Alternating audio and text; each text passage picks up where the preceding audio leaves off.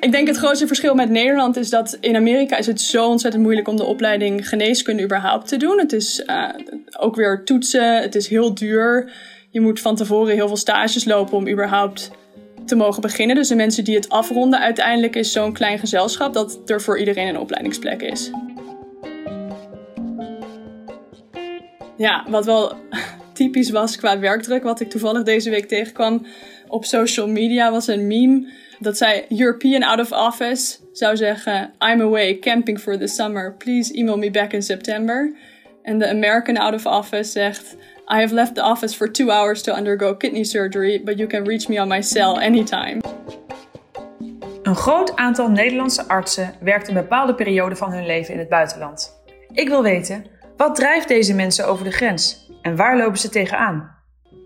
Ik ben Danka Stuiver, huisarts op Aruba en columnist. In samenwerking met het Medisch Contact zal ik in deze podcastserie Nederlandse artsen interviewen die wonen en werken in het buitenland. We gaan het hebben over hun persoonlijke overwegingen, hun belevenissen en over de positieve en negatieve kanten van hun vertrek. Weg bij familie en vrienden, weg uit de comfortzone, over de grens naar een onbekend land met een andere cultuur en taal en een ander zorgstelsel. Vandaag ga ik in gesprek met Emma de Lauw. Tussen de middelbare school en de geneeskundeopleiding deed zij een gap year in de Verenigde Staten en daar leerde ze de liefde van haar leven kennen. Na het gap year ging ze terug naar Nederland om geneeskunde te studeren en zes jaar lang reisden zij en haar vriend op en neer om elkaar te zien. En daarna verhuisde Emma definitief naar de Verenigde Staten om samen te gaan leven met haar vriend. Emma, welkom. Dankjewel. Leuk dat ik hier mag zijn. Ja, even vertel even, want jij ging naar de Verenigde Staten als basisarts om daar um, huisarts te worden. Hoe is dat gegaan? Ik was ondertussen al zes jaar samen met mijn man. En uh, na de opleiding geneeskunde dacht ik, nu is het mooi geweest met de long distance. Uh, ik ga nu naar Milwaukee, wat daar was hij ondertussen nog geneeskunde aan het doen. En ik heb daar eerst als onderzoeksassistent gewerkt op de huisartsenafdeling. En toen besloten om te solliciteren voor de opleiding in de VS. Wat makkelijker gezegd dan gedaan is. Um, ik heb toen in zes maanden drie toetsen, de USMLE's, moeten doen. Wat nodig is om te kunnen solliciteren. En ik was dus aan het werk als onderzoeksassistent, maar ook eigenlijk om ervaring te kunnen opdoen met het Amerikaanse zorgsysteem en om Amerikaanse huisartsen te leren kennen. Omdat je ook aanbevelingsbrieven nodig hebt om de opleiding binnen te kunnen komen. En daarna startte jij dus met je, met je residency family medicine. Maar in Nederland is het heel gebruikelijk om als basisarts eerst hier en daar even te aanhielsen of misschien nog een promotieonderzoek te doen. Maar dat is in de, in de VS niet zo, hè? Nee, nee, dat is heel, uh, het is eigenlijk heel centraal geregeld. Dat alle geneeskundestudenten in hun laatste jaar gaan tegelijkertijd zich aanmelden voor de vervolgopleiding. En het is dus een nationaal ja, proces met interviews nou ja, op alle plekken waar je eventueel de opleiding zou willen doen. En dan iedereen start, je studeert af in juni en iedereen start per 1 juli de opleiding. Dus je begint dan met allerlei nieuwe artsen. Juli is absoluut het moment dat je niet in het ziekenhuis wil belanden in Amerika. Want dan beginnen dus alle nieuwe artsen in opleiding en ja, ik denk het grootste verschil met Nederland is dat in Amerika is het zo ontzettend moeilijk om de opleiding geneeskunde überhaupt te doen. Het is uh, ook weer toetsen, het is heel duur. Je moet van tevoren heel veel stages lopen om überhaupt te mogen beginnen. Dus de mensen die het afronden, uiteindelijk is zo'n klein gezelschap dat er voor iedereen een opleidingsplek is. Vervolgopleiding is er genoeg plek. Ja. ja. ja. En even toegespitst op, op de huisartsenopleiding. Hoe ziet dat eruit in de Verenigde Staten? Um, ja, het is ook drie jaar, net als in Nederland. Um, met over het algemeen denk ik meer tijd in het ziekenhuis. Met name de eerste twee jaar en met name eigenlijk het eerste jaar heel veel tijd met verschillende ziekenhuisstages. Dus op de IC, kinderafdeling, op de obstetrie. Je leert ongecompliceerde bevallingen te doen. En dan in het tweede en derde jaar meer polystages. Dus geriatrie, sportgeneeskunde, cardiologie, gynaecologie. En hoe verder je in de opleiding komt, hoe meer tijd je eigenlijk in de huisartsenpraktijk besteedt. Dus dat begint echt met een halve dag per week alleen maar. En in het derde jaar doe je de meeste dagen van de week huisartspraktijk. En ik denk dat het, ja, ik vond het een zware opleiding. Het was zeker het eerste jaar, nou ja, heel veel tijd in het ziekenhuis, wat eigenlijk precies de reden was waarom ik huisarts wilde worden, was om niet tijd in het ziekenhuis te spenderen. Uh, maar ook echt lange dagen. Ze beginnen in het ziekenhuis vaak om zes uur ochtends. Het zijn twaalf uur lange shifts. Um, omdat er geen avonddienst is. Dus het zijn alleen maar dag- en nachtshifts. Mm -hmm.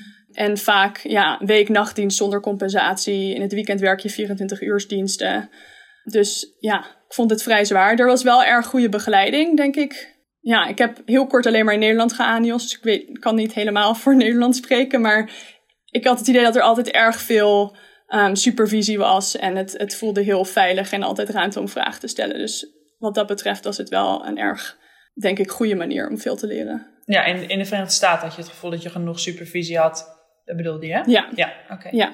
Hey, en net um, even terug te gaan. Jij zei net al dat je als huisarts een opleiding op de afdelingen van de huisarts werkte in het ziekenhuis. Dat, dat, dat klinkt even natuurlijk heel gek. Want er waren daar dus GP-afdelingen in het ziekenhuis. Hoe, hoe zit dat? Ja, onze huisartsenpraktijk, als de patiënt, uh, als een patiënt wordt opgenomen in het ziekenhuis, dan komen ze eigenlijk automatisch op de huisartsenafdeling terecht. Dus er zijn altijd HJO's die in het ziekenhuis op de afdeling staan. Waardoor eigenlijk die communicatie heel goed is en je dus een soort van continuïteit hebt aan zorg. Dat, uh, ja, dat de zorg eigenlijk binnen de, het is dan niet zozeer binnen de praktijk, maar je kent de meeste patiënten. Het is hetzelfde EPD, dus je kan heel makkelijk de notities lezen van de, van de huisarts, de voorgeschiedenis inlezen en wat voor medicatie mensen gebruiken. Mm-hmm. Maar ook na het ziekenhuis, als de patiënt ontslagen wordt, zorgen dat er goede follow-up weer bij de huisarts is. Ja, ik vind het een erg leuk onderdeel. Het is, ja, het ziekenhuis is niet mijn favoriet, maar het heeft er wel voor gezorgd dat je veel um, ziekenhuis-exposure krijgt. En ik denk hier als afgestuurde huisarts zou je ook als ziekenhuisarts kunnen werken. En stel je voor, iemand gaat dus, uh, iemand komt bij jou op, op je spreekuur en die heeft een. Uh, je denkt, nou, die heeft een longontsteking en die is dusdanig ziek, die moet worden opgenomen. Dan komt hij op de huisartsafdeling in het ziekenhuis terecht. Um, ja, wel eerst via de spoed.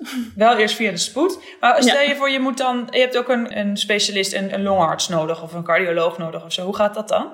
Meestal wat er gebeurt als je iemand instuurt, dan bel ik de, um, zowel de spoed als de afdeling. Om alvast even te zeggen van nou, ik stuur deze patiënt in. Ik denk dat het hier om gaat. Uh, dit is belangrijk om te weten. Mm-hmm. En dan als ze eenmaal op de afdeling zijn en je denkt je hebt een longarts nodig, dan kan je die zeker in consult vragen. Dus een groot aantal van de patiënten heeft inderdaad één of meerdere specialisten nodig. En dus de samenwerking is vrij nauw met de verschillende specialisten in het ziekenhuis ook. Nou, het klinkt dus alsof de huisartsenzorg in ieder geval op heel veel vlakken uh, toch wel heel erg verschilt van Nederland. Hè? Um, maar dat heeft natuurlijk ook ja. alles te maken met de manier waarop de gezondheidszorg in de, in de Verenigde Staten is ingericht.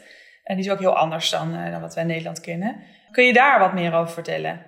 Ja, nou, toen ik mijn man vroeg hoe moet ik daar aan beginnen om dat uit te leggen, toen zei hij ja, it's a hot mess.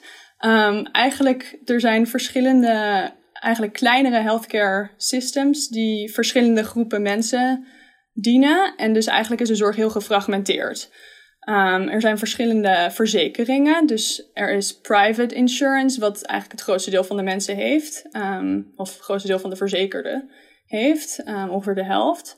En dat is wat je krijgt meestal via je baan.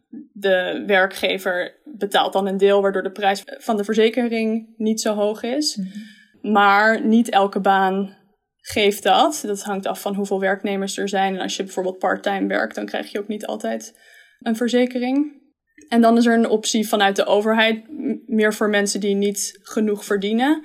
Dat is Medicaid. Daarvoor moet je American citizen zijn um, en dus een bepaald lager inkomen hebben. Um, dus dat is ongeveer um, een vijfde van de bevolking heeft Medicaid. En dan is er Medicare. Dat is een optie vanuit de overheid voor 65-plussers, voor mensen die niet meer werken of door ziekte niet meer kunnen werken. En dat is vrij goedkoop. Dat is in principe gratis, maar er zijn, het is vrij ingewikkeld. Er zijn meerdere premies en meerdere lagen daarvan met een soort van aanvullende zorgverzekering waar je uiteindelijk wel meer voor moet betalen. En zeker niet alles is gedekt. Dus bijvoorbeeld Medicare dekt ziekenhuisopnames en huisartsbezoeken, maar niet medicatie. Ja. Um, dus medicatie kan dan weer heel hoog zijn. Daar moet je weer een extra zorgverzekering dan voor via Medicare voor hebben. En dit alles verschilt ook weer per staat. Dus wat ik weet over Pennsylvania kan weer heel anders zijn in New York. En dan is het ook zo dat bijvoorbeeld per ziekenhuis of per huisartspraktijk niet alle patiënten gezien kunnen worden. Dus het hangt af van wat voor zorgverzekering ze accepteren. Dus bijvoorbeeld onze huisartsenpraktijk heeft een x aantal plekken voor Medicaid-patiënten. Maar dus als we zoveel Medicaid-patiënten al in ons bestand hebben, dan kunnen we niet nog meer Medicaid-patiënten zien. Dus die moeten dan ergens anders heen. En, en er zijn ook best wel veel mensen in de Verenigde Staten die niet verzekerd zijn. Klopt dat? Ja. Hoeveel, Ja, hoeveel mensen dat- gaat het dan? Ongeveer 9% van ehm, die niet verzekerd zijn. En ja, dat is best wel een probleem, want voor, zeker voor die mensen is het nog groter ehm, barrière eigenlijk om zorg te zoeken. Er zijn wel, niemand wordt geweigerd eh, als ze in het ziekenhuis komen of bij de huisartspraktijk komen zonder verzekering. Eh, en dan worden er sliding scales eigenlijk gebruikt dat je, dat je moet betalen op basis van wat je inkomen is. Want, want eh, 9% dat gaat dan nog steeds om bijna 30 miljoen mensen. Toch? Ja, Ja, dus dat Zeker. is zeker nog een, ja. een, heel, een, een Ja. heel, eh, een hele groep eh, wat dan dus niet, denk ik, de, altijd de, de juiste zorg kan krijgen. Ehm, Ja. Is er ook, dus wat wij in Nederland kennen, eh, een eigen risico dat mensen moeten betalen? Ja, en dat is ook een beetje ingewikkeld en ingewikkelder dan in Nederland, denk ik. Want het verschilt heel erg per wat voor verzekering je hebt. En binnen de verzekering kan je kiezen voor een hogere, hoger eigen risico of een lager eigen risico. Over het algemeen ligt het hoger dan in Nederland. Dus eh, het kan oplopen tot eh 2000 eh, dollar per jaar. En dan is er ook nog een copay voor wat je extra standaard moet betalen voor het zien van je huisarts, voor het zien van een specialist of voor, het, voor een SCH-bezoek. Ehm, en je kan dus binnen je zorgverzekering zeggen: ik wil een, als mijn copay lager is, dan accepteer ik een iets hoger eigen risico. Juist. Of andersom. Je, je hebt al een aantal eh, termen genoemd, hè, Medicare, Medicaid en dat soort dingen. Ehm, een tijd geleden leerden wij natuurlijk in Nederland van de Obamacare. En eh, dat, dat leek iets meer op het solidaire systeem wat wij in Nederland ook eh, ja, kennen. Maar de, de berichten zijn er ook weer dat dat, dat een soort van geflopt zou zijn. En dat Trump natuurlijk heeft geprobeerd om, om de wet eh, weer af te schaffen, wat niet gelukt is. Ehm, kan je iets vertellen over Obamacare en, en wat daar de problemen mee zijn? Ja, nou, ik zou willen zeggen met dat ik denk dat het zeker niet geflopt is, maar ehm, het was de bedoeling om healthcare meer affordable te maken en meer toegankelijk te maken voor mensen. En ja, dat is niet gelukt in de zin dat er nog steeds heel veel mensen zijn die niet ehm, gebruik kunnen maken van de zorg zoals we dat zouden willen. Er zijn ook een aantal premies zijn hoger geworden en de belasting is hoger geworden. Dus er zijn heel veel, met name meer rechtse mensen, die daar erg boos over zijn. Maar er zijn nu wel veel meer mensen verzekerd. Er zijn nu ongeveer 16 miljoen mensen verzekerd um, die dat eerst niet waren. En er zijn een aantal veranderingen gekomen die denk ik heel belangrijk waren. Zoals zwangeren kunnen nu onafhankelijk van hun inkomen in aanmerking komen voor Medicaid. Anticonceptie is gratis, SOA-testing is gratis. Er worden nu veel meer screening testing, dus bijvoorbeeld um, screening voor diabetes, uh, wordt nu vergoed, wat eerst niet het geval was. Er was voor Obamacare waren er regels met dat als je bepaalde pre-existing conditions had, dat je geen verzekering kon krijgen. Dus bijvoorbeeld mensen met meerdere chronische aandoeningen of met kanker konden geen verzekering krijgen. En nu wordt daar niet meer naar gekeken. Nu is dat geen limiterende factor. Het klinkt inderdaad alsof er uh, zeker wel hele positieve dingen uitgekomen zijn. Um, en het klinkt ook, hè, hele, wat je toen verteld hebt, of dat het zorgstelsel in Nederland heel erg verschilt van dat in de Verenigde Staten. Maar ik wil eigenlijk een beetje inzoomen op het, de verschillen in werk. Hè? Dus echt op de werkvloer van huisarts in Nederland en in de Verenigde Staten. Kun jij daar wat, wat voorbeelden van geven? In de praktijk een verschil is dat je hier iets meer tijd hebt met je patiënt. Dus ongeveer 20, soms 40 minuten. Als ik een nieuwe patiënt zie, dan is het 40 minuten. En het voelt een iets meer intiem verband. Dus ik heb een assistent die haalt de patiënt uit de wachtkamer, die um, checkt de bloeddruk. Er is een verpleegkundige die ik kan vragen om nou ja, wonden te behandelen of medicatie, educatie te geven. Er is een maatschappelijk werker, er is een psycholoog, een farmacist. Dus ja, er is eigenlijk een soort van, ja, onze praktijk is ook wel erg groot. maar het voelt meer als een, als een team. En ik heb het idee dat in Nederland soms, tenminste wat ik heb ervaren tijdens kooschappen, dat, het, dat de huisarts haalt de patiënt uit de wachtkamer en je bent echt één op één met je patiënt. Ja, dus jij, dus jij iemand anders haalt de patiënt uit de wachtkamer, zet hem eigenlijk helemaal, zet die hem of haar helemaal klaar. En uh, gaat vast de medicatie doornemen en zo. En dan kom jij binnen en doe jij je, je, je ding. En dan vervolgens ga jij mhm. weg en dan zorgt er iemand anders voor dat die patiënt weer buiten staat. Ja, okay. ja er is ook een stuk meer papierwerk, denk ik. We schrijven alles op, allerlei. Um, Nou ja, dat, uh, hoe je de paracetamol moet innemen en zo. En dat, dat gaat met de papier. En de vervolgafspraken gaat met een papiertje mee. Met alle patiënten aan het eind. Dat, is wel, dat klinkt wel luxe, zo'n assistent erbij. En maar kun je ook een voorbeeld noemen van een patiëntcasus waarbij je eigenlijk eh, je realiseerde hoeveel het, het werk van de huisarts in Nederland verschilt van dat in de Verenigde Staten?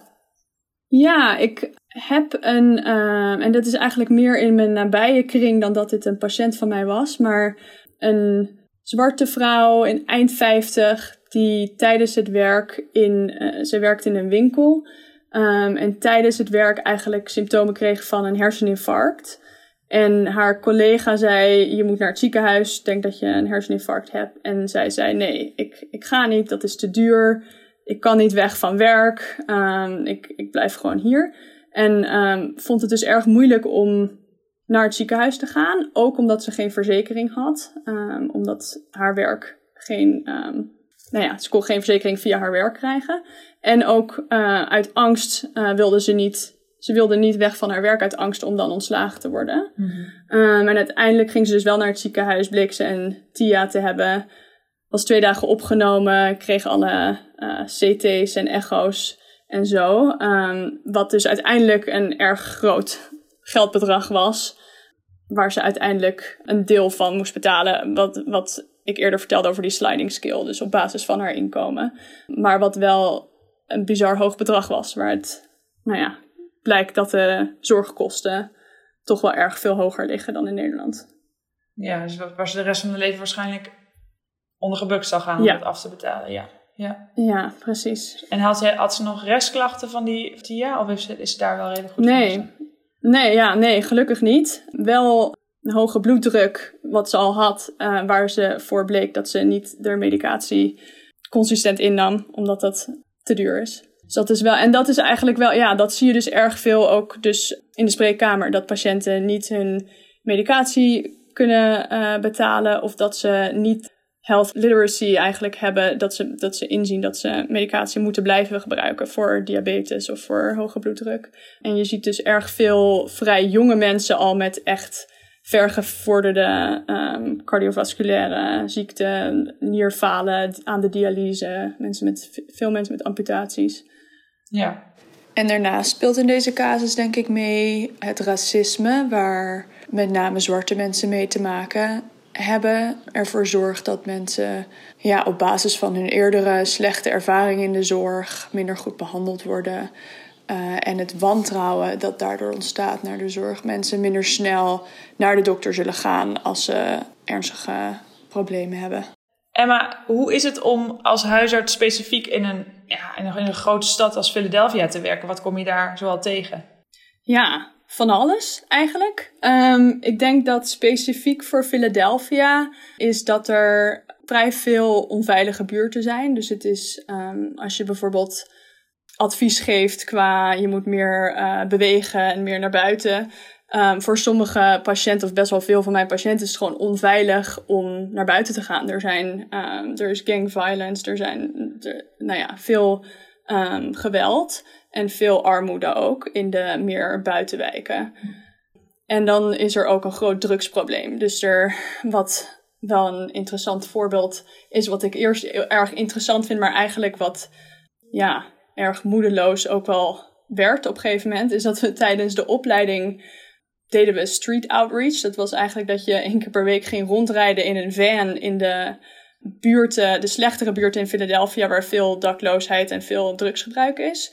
Om zorg aan te bieden aan eigenlijk de ja, most vulnerable population. Mensen die actief op straat met naalden in hun arm rondlopen en allerlei abscessen ontwikkelen. Um, om daar zorg aan te bieden. Ook omdat bekend is dat die mensen niet zorg opzoeken en, en veel nare ervaring hebben gehad. En dus eigenlijk om dat vertrouwen een beetje enerzijds te winnen, maar ook om te proberen die mensen te linken aan zorg. Niet dat wij dan de huisarts gaan zijn voor die mensen, maar uh, om ze resources te geven van waar ze terecht kunnen voor dan wel huisartsenzorg, dan wel ziekenhuis, dan wel rehab. En dus ik heb bijvoorbeeld een aantal keer abscessen gedraineerd op straat zonder verdoving. Of Narcan, hoe noem je dat in Nederland? Naloxon. Ja. Um, toe moeten dienen omdat iemand een overdose had op straat. Dus vrij heftig wel wat je ziet. Ja, dat klinkt niet als echt heel erg uh, huisartsgeneeskunde. ja. Nee. Nee, dat is, uh, dat is uh, ja, dapper van je. Ja. In Nederland klagen huisartsen natuurlijk dat ze heel veel taken en verantwoordelijkheden krijgen. Um, zowel elders uit de zorgketen als um, ja, bureaucratische romslomp opgelegd door de zorgverzekeraars en door toezichthouders. Hoe, hoe ervaar je dat als huisarts in de VS? ik moet wel heel veel formulieren invullen voor patiënten, maar met name voor thuiszorg zeggen dat ze in aanmerking komen voor thuiszorg of um, als mensen hun elektriciteit is afgesloten om te zeggen ze hebben een medische aandoening, dus hebben hun elektriciteit nodig. Het is mijn medische mening dat ze hun elektriciteit terug moeten krijgen.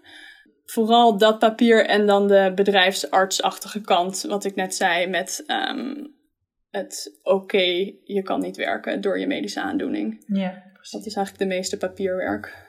In de Verenigde Staten is natuurlijk eh, de, de lawsuit cultuur hè, met um, in vergelijking met Nederland ook vaak meer strafzaken tegen zorgverleners uh, en niet alleen maar tuchtzaken. Dat is alom bekend. Hoe, is het om daarin te werken? Vind je dat bijvoorbeeld spannend of uh, merk je, wat merk je daarvan in het dagelijkse werk? Ja, het is een groot verschil met Nederland, denk ik. Ik ben er niet zoveel mee bezig in de dagelijkse praktijk als ik van tevoren had verwacht. En ik heb zelf ook nog geen aanklachten aan mijn broek gehad. Gelukkig. Um, en ook weinig, ja, ook weinig collega's daarover gehoord. En de paar dingen die ik wel heb voorbij zien komen, werden vaak vrij snel onver, uh, ongegrond verklaard. Als blijkt dat de arts gewoon volgens de richtlijnen heeft gewerkt. Dus er, er wordt denk ik wel meer aangeklaagd. Maar of er uiteindelijk ook meer consequenties aan de artsen voor is, dat, dat hoor je niet zoveel. Wel belangrijk is de malpractice insurance hier. Dus ik heb net naar een nieuwe baan moeten zoeken. En daar was erg belangrijk dat er malpractice insurance was. Dus dat, dat is wel iets wat heel belangrijk en heel erg de nadruk op, op ligt hier. Zorgen dat je, en zorgen dat je goed je... gedekt bent eigenlijk, voor het geval dat het Ja, precies. Ja. ja. En ook nog jaren nadat je eventueel van je baan weg bent, als er later nog een lawsuit komt, dat je dan ook nog gedekt wordt. Ja. En ik denk in de dagelijkse praktijk dat je hier heel erg leert om alles te documenteren. Dus uh, elke medische beslissing moet je onderbouwen. Waarom stuur je iemand naar het ziekenhuis? Waarom geef je wel of geen antibiotica? Wat zie je met lichamelijk onderzoek? Waarom je zus en zo denkt en waarom je deze behandeling wel of niet geeft? Mm -hmm. En ik denk dus dat je de, nou ja, wat je in, denk in Nederland hoort van um, superveel aanvullend onderzoek en onnodige extra testen en onnodige antibiotica, dat zie je meer op de um, spoedeisende hulp dan dat je dat naar mijn idee in de huisartspraktijk ziet. Maar ik denk over het algemeen wordt er iets meer aanvullend onderzoek gedaan. Iets meer vanuit een better be safe than sorry. Ja, een beetje defensief. Uh, ja. En als je nou bijvoorbeeld iemand gaat onderzoeken, want je had net over je assistent die, je, die je hebt, maar zie je bijvoorbeeld, ja. bijvoorbeeld lichamelijk onderzoeken uh, één op één met de patiënt, of is daar bijvoorbeeld ook weer een, uh, een andere manier van werken in? Ja, dat is leuk dat je het vraagt. Dat, toen ik hier net kwam, dacht ik, jeetje, wat is iedereen hier super preuts. Want je um, stapt dus altijd de kamer uit als je vraagt om iemand, uh, als je iemand gaat onderzoeken, laat je iemand bij zich alleen uitkleden en een gown aandoen. Dus iedereen heeft een medisch gown aan als je ze gaat onderzoeken. En als er um, gevoelige onderzoeken zijn, of als je een uitstrijkje doet bijvoorbeeld, is altijd een assistent bij. Wat aan de ene kant handig is om dingen aan te geven, maar wat ook ervoor zorgt om, um, ja, om toch uh, als een extra soort van veiligheid, denk ik. Ja, ja. ja precies. Ja, dus dat, dat is wel, ligt ook allemaal wel misschien iets voorzichtiger en gevoeliger dan. Uh, ja. ja. Uh, de laatste tijd was, was, was de rechtszaak tegen uh, Redonda Vo, als ik het goed zeg. Was heel erg in het nieuws. Hè? En, en, en ik zat nog even voor de luisteraar een beetje samenvatten. Maar een, een 28-jarige verpleegkundige die in Nashville, Tennessee werkt en daar eigenlijk het verkeerde medicijn uit een geautomatiseerd uh, medicijnkastje haalde en dat vervolgens toediende aan haar patiënt die overleed. Uh, hoewel zij ook haar fout erkende, alarm sloeg, uh, haar fout toegaf, heeft ze toch, um, kreeg ze dood door schuld opgelegd. En is ze ook nog nu net schuldig bevonden, waardoor ze waarschijnlijk tot 12 jaar achter de tralies kan verdwijnen dat heeft ook in, in, in de Verenigde Staten nogal wat, uh, wat stof doen oplaaien. Klopt dat? Ja, heel erg, ja. Um, ja, het is natuurlijk echt vreselijk wat daar gebeurd is. En ik denk hoe we dat hier in de dagelijkse praktijk zien, is dat er nu ook, ja, dat verpleegkundigen nu al een stuk defensiever um, te werk gaan. En dat, um, ja, vaak kunnen ze wel een bepaald medicatie al uh, of een bepaald medicijn al geven en dan achteraf zeggen: Oh, ik heb deze injectie gegeven. Maar nu zeggen ze allemaal: Nee hoor, ik moet eerst de arts uh, hebben die uh, daar iets voor moet schrijven voordat ik dat doe. Ja. Um, en ja, ik denk over het algemeen wordt er geprobeerd dat je we krijgen allerlei trainingen van als je ziet dat er iets bijna misgaat of als je een fout hebt gemaakt, dat je dat anoniem kan um, laten weten met het, met het doel dat daarvan geleerd wordt en dat je dat voorkomt in de toekomst. Maar ik denk dat, het, ja, dat mensen nu een stuk voorzichtiger en dat moeilijker gaan vinden. Ja, precies. Het gaat, het gaat meer een angstcultuur creëren misschien. En ook maken dat... Ja. Uh, ik, ik heb al begrepen dat er, dat er, dat er ook best wel veel uh, verpleegkundigen gestopt zijn. Omdat ze zeggen van, ja, who's next? Ja. En uh, ja. Ja, ja, dat is toch wel heel uh, onwenselijk. Mm -hmm. ja. ja, en er zijn al zo'n tekorten aan verpleegkundigen nu, zeker met COVID, is het echt uh, dramatisch met hoeveel mensen er gestopt zijn. Kun je nagaan, ja. Um, nog even weer terug naar de huisartsen. Nederland is, nou ja, is sowieso een land waar veel parttime wordt gewerkt. Hè. Dat uh, wordt wel vaak aangehaald. Maar huisartsen doen dat, doen dat sowieso vaak. Hè. Drie of vier dagen werken. Onder andere ook omdat de werkdruk gewoon heel hoog is en, en ze op deze manier een beetje controle weten te houden over hun werk-privé-balans. Uh, jij werkt nu fulltime. Is dat, is dat gebruikelijk voor huisartsen? Um, ik denk dat het voor net afgestudeerde huisartsen wel gebruikelijk is, maar ook hier veel um, meer. Um, uiteindelijk gaan mensen toch ook wel meer parttime werken. En ik denk met name inderdaad omdat de werkdruk erg hoog is. Dus om mij heen nu nog zijn veel mensen vooral fulltime aan het werk. Maar um, ja, de werkdruk is wel erg hoog. Ik denk hoger dan in Nederland, van wat ik in ieder geval tijdens de opleiding heb meegemaakt. Met lange dagen, vaak ook op zaterdag werken, minder vakantie. Ja, wat wel typisch was qua werkdruk, wat ik toevallig deze week tegenkwam op social media, was een meme. Dat zei European out of office zou zeggen: I'm away camping for the summer. Please email me back in September. En de American out of office zegt: I have left the office for two hours to undergo kidney surgery, but you can reach me on my cell anytime. en dat, ja, ik, nou ja, ik vond dat erg grappig, maar het is, het is natuurlijk overdreven, maar ergens wel een um, kern van waarheid. Dat hier mensen, nou ja, als je zegt dat je twee weken op vakantie gaat, dan is het echt wow. Alsof je een jaar weggaat en je, nou ja, Jeetje, wat een is verschil. wel een verschil met ja. Nederland. Ja. ja, heeft dat dan nog ook te maken met ja, misschien dat, uh, dat, dat, dat de baanzekerheid of uh, dat de werkzekerheid wat, wat anders ligt uh, in, in de VS dan in Nederland?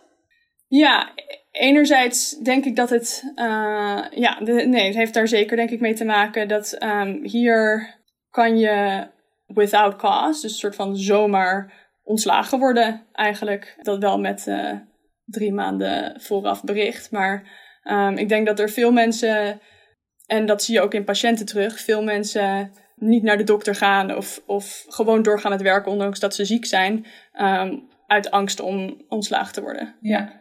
En een jaar geleden um, ronde jij echt de huisartsopleiding af en toen ben jij begonnen aan een fulltime fellowship ouderengeneeskunde.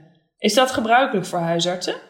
Ja, nou ja, ik denk dat ongeveer de helft is gebruikelijk dat de helft van de afgestudeerde huisartsen een vervolg, een eenjarige vervolgopleiding doet. Dus een fellowship. En een aantal populaire fellowships zijn palliatieve geneeskunde, sportgeneeskunde, um, obstetrie of women's health of HIV mm care. Dus ja, het, is, het, wordt redelijk wat gedaan.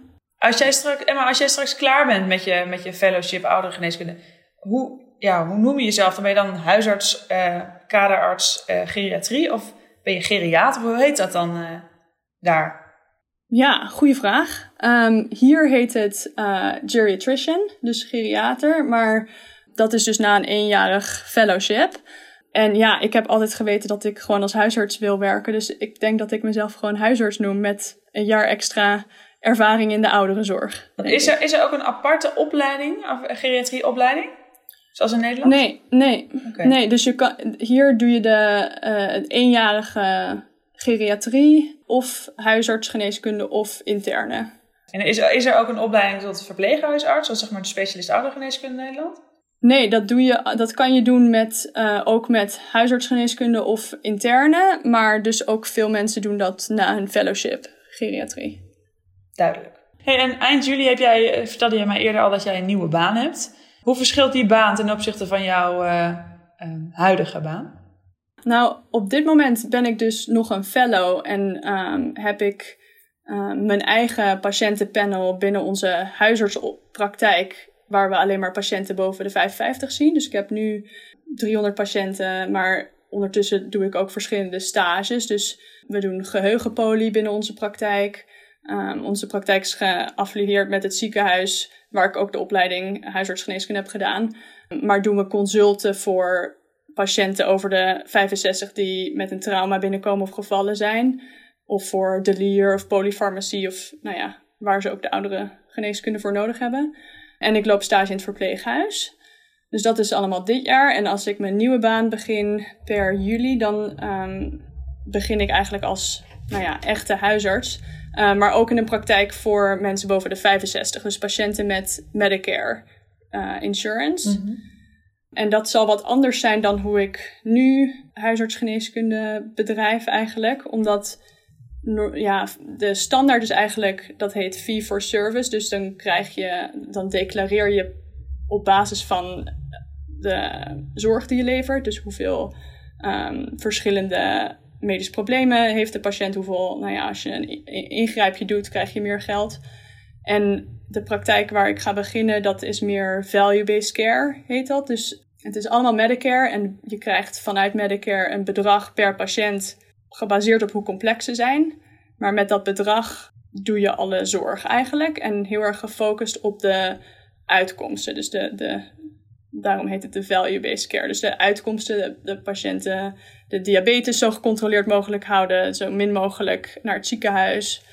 Um, ja, dus denk eerder een beetje dus, waardegedreven zorg, hè? of de, de zinnige zorg, wat we in Nederland natuurlijk kennen.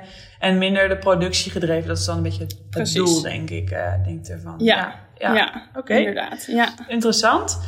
En maar je zei net dat je nieuwe baan uh, een, een praktijk is voor alleen um, ja, de oudere patiënt eigenlijk.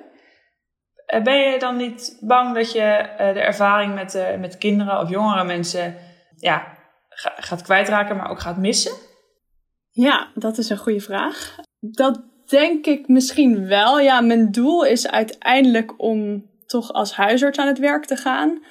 Dus voor tijdelijke periode vind ik het eigenlijk juist wel leuk om nog meer ervaring te hebben met de oudere patiënten. En dit jaar doe ik mijn fellowship, is onze praktijk binnen mijn fellowship ook met um, patiënten over de 55. En ik merk eigenlijk dat ik de kinderen en de jongvolwassenen eigenlijk helemaal niet zo heb gemist. Ik ben nu wel heel benieuwd wat je daar als huisarts verdient. Ja, um, nou op dit moment als fellow dus verdien ik ongeveer um, 3600 per maand netto. Dat zal volgend jaar uh, iets omhoog gaan naar ongeveer 12.000 per maand. Um, en ik, de, ik heb even gekeken naar wat, de, wat is nou gemiddelde inkomen van huisarts, omdat het ook per staat heel erg verschilt. Uh, maar gemiddeld zeggen ze dat het um, ehm, 240.000 dollar per jaar is, bruto. Mm -hmm. En dat, ja, dat is dus, nou ja, in de regio waar ik zit, gemiddeld wordt er iets minder verdiend, maar op andere plekken weer iets meer. En als specialist liggen de, de inkomens nog veel hoger. Dus een cardioloog verdient 450.000 per jaar, orthopedie 540.000 per jaar. En kan oplopen tot in de 600.000 per jaar. Dus het ligt over het algemeen iets hoger dan in Nederland. Ja, maar daar, daar staat tegenover dat die mensen natuurlijk ontzettende schulden over het algemeen moeten afbetalen. Ja. ja. Hoeveel, hoeveel is een gemiddelde schuld van een arts als die klaar is? Ja, dat hangt heel erg af van naar wat voor, wat voor geneeskundeopleiding ze hebben gedaan. Maar ik denk ongeveer gemiddeld 300.000 is Ja, kijken. Ja, dat is wel waar je aan moet denken. Ja, dat is gewoon een, Ja. eh, is gewoon een heel huis. Ja, Ja. ja. het is vreselijk. Ja. ja. En hoe zit het met kosten qua eh, levensonderhoud, de benzine, huishuur, dat soort dingen in, eh, in de VS?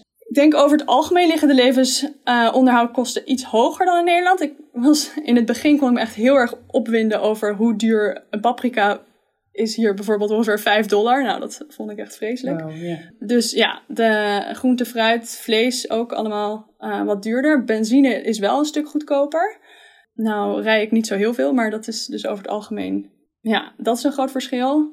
En dan scholen bijvoorbeeld hangt ook heel erg af van het type school. Dus eh, public schools zijn relatief goedkoop, maar ligt aan welk postcodegebied je woont of de school überhaupt goed is. Dus heel veel mensen kiezen voor een privéschool en die zijn dan weer een stuk duurder.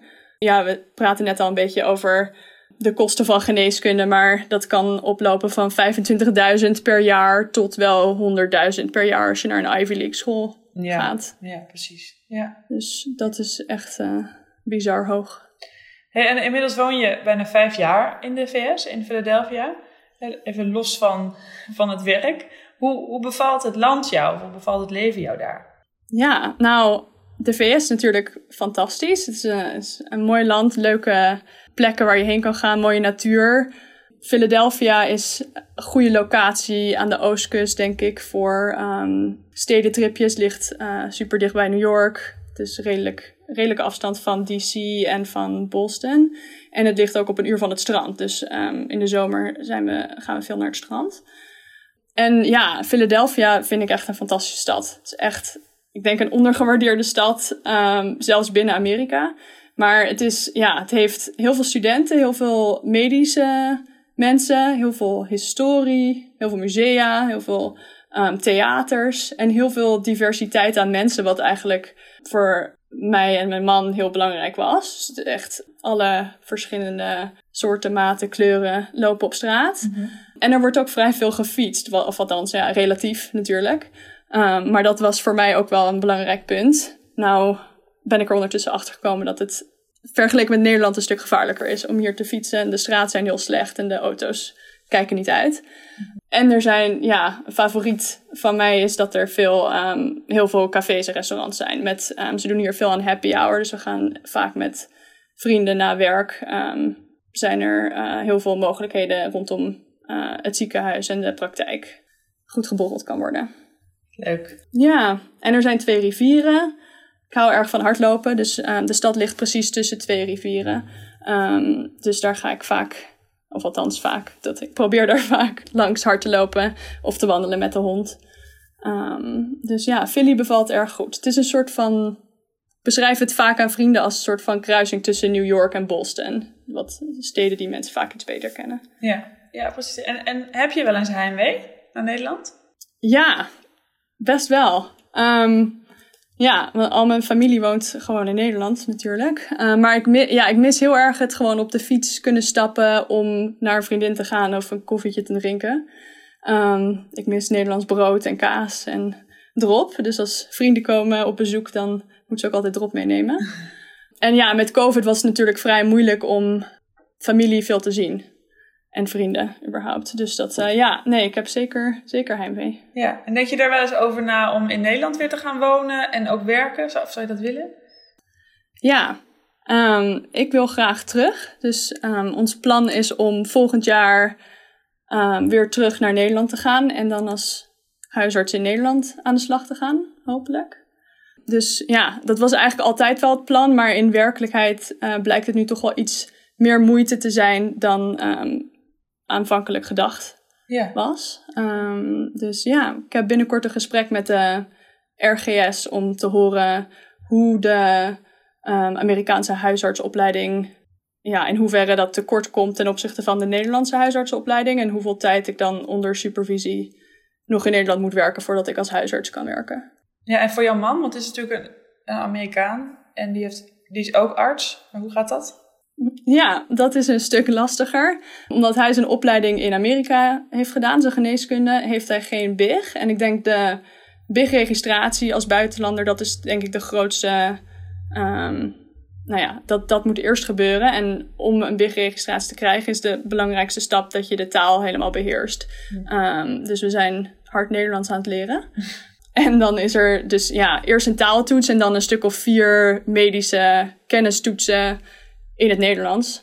Um, die afgelegd moeten worden. En dan vervolgens um, is er een deel kooschappen, geloof ik. En dan moet de RGS hem beoordelen. Dus dat, ja, dat zal een proces van twee, drie jaar, vrees ik, zijn. Wat iets langer is dan we van tevoren hadden verwacht, ja. helaas. Nou, ik ben wel nieuwsgierig, want jullie, zijn, hebben jullie overwegen om, uh, om, om voor een periode, of misschien wel voor vast, naar Nederland gaan. Wat maakt dat jullie die stap gaan maken? Is dat alleen maar heimwee bij jou, of zijn er ook andere redenen voor? Um, dat is een goede vraag. Ik denk uh, het grootste deel heimwee bij mij. En um, ik ben enigst kind en wil graag um, bij mijn ouders in de buurt zijn die uh, ondertussen iets ouder zijn al. En ik denk, ja, ik vind Nederland een fijnere omgeving om kinderen in op te voeden. Er zijn nog geen kinderen, maar dat plannen is er wel. Ik denk dat het, het wonen en werken in Nederland ja, over het algemeen fijner is dan hier. Ja. Stel dat er toch een collega nu luistert en die zegt, denkt van ik, ik wilde juist graag uh, in Amerika gaan werken. Wat, wat zou jij hem of haar um, kunnen adviseren? Um, ja, ik denk dat het belangrijk is om vroeg te beginnen met te oriënteren en te netwerken en een goed beeld te hebben van wat wil je binnen de VS doen. En um, de vereisten zijn dan dat je, um, je moet sowieso drie USMLE toetsen doen om überhaupt de opleiding te kunnen doen. Want je moet, je um, diploma is niet geldig in Amerika. Dus je moet de opleiding, ook als je afgestudeerd orthopeed of internist bent, dan moet je de opleiding opnieuw doen. En daar heb je dus de USMLE toetsen voor nodig, de opleiding. En dan tijdens de opleiding is er nog, zijn er nog meerdere toetsen. Dus ja, het is uh, een lang proces voordat je aan het werk zou kunnen. Um, vandaar dat ik zeg, het is belangrijk om te bedenken wat je precies zou willen doen en waarom. Mm -hmm. Ik denk dat het in Amerika erg uitdagend en leuk is om onderzoek te doen. Dus dat zou misschien een makkelijkere manier zijn als je als arts naar Amerika zou willen komen. Is dat een, denk ik, een, um, een iets makkelijkere in dan de opleiding. Maar het is mogelijk. Oké. Okay. Emma, dankjewel uh, voor uh, al je antwoorden. Heel interessant. Ja, graag gedaan. En mensen mogen altijd mailen als ze vragen hebben over hoe naar Amerika te komen.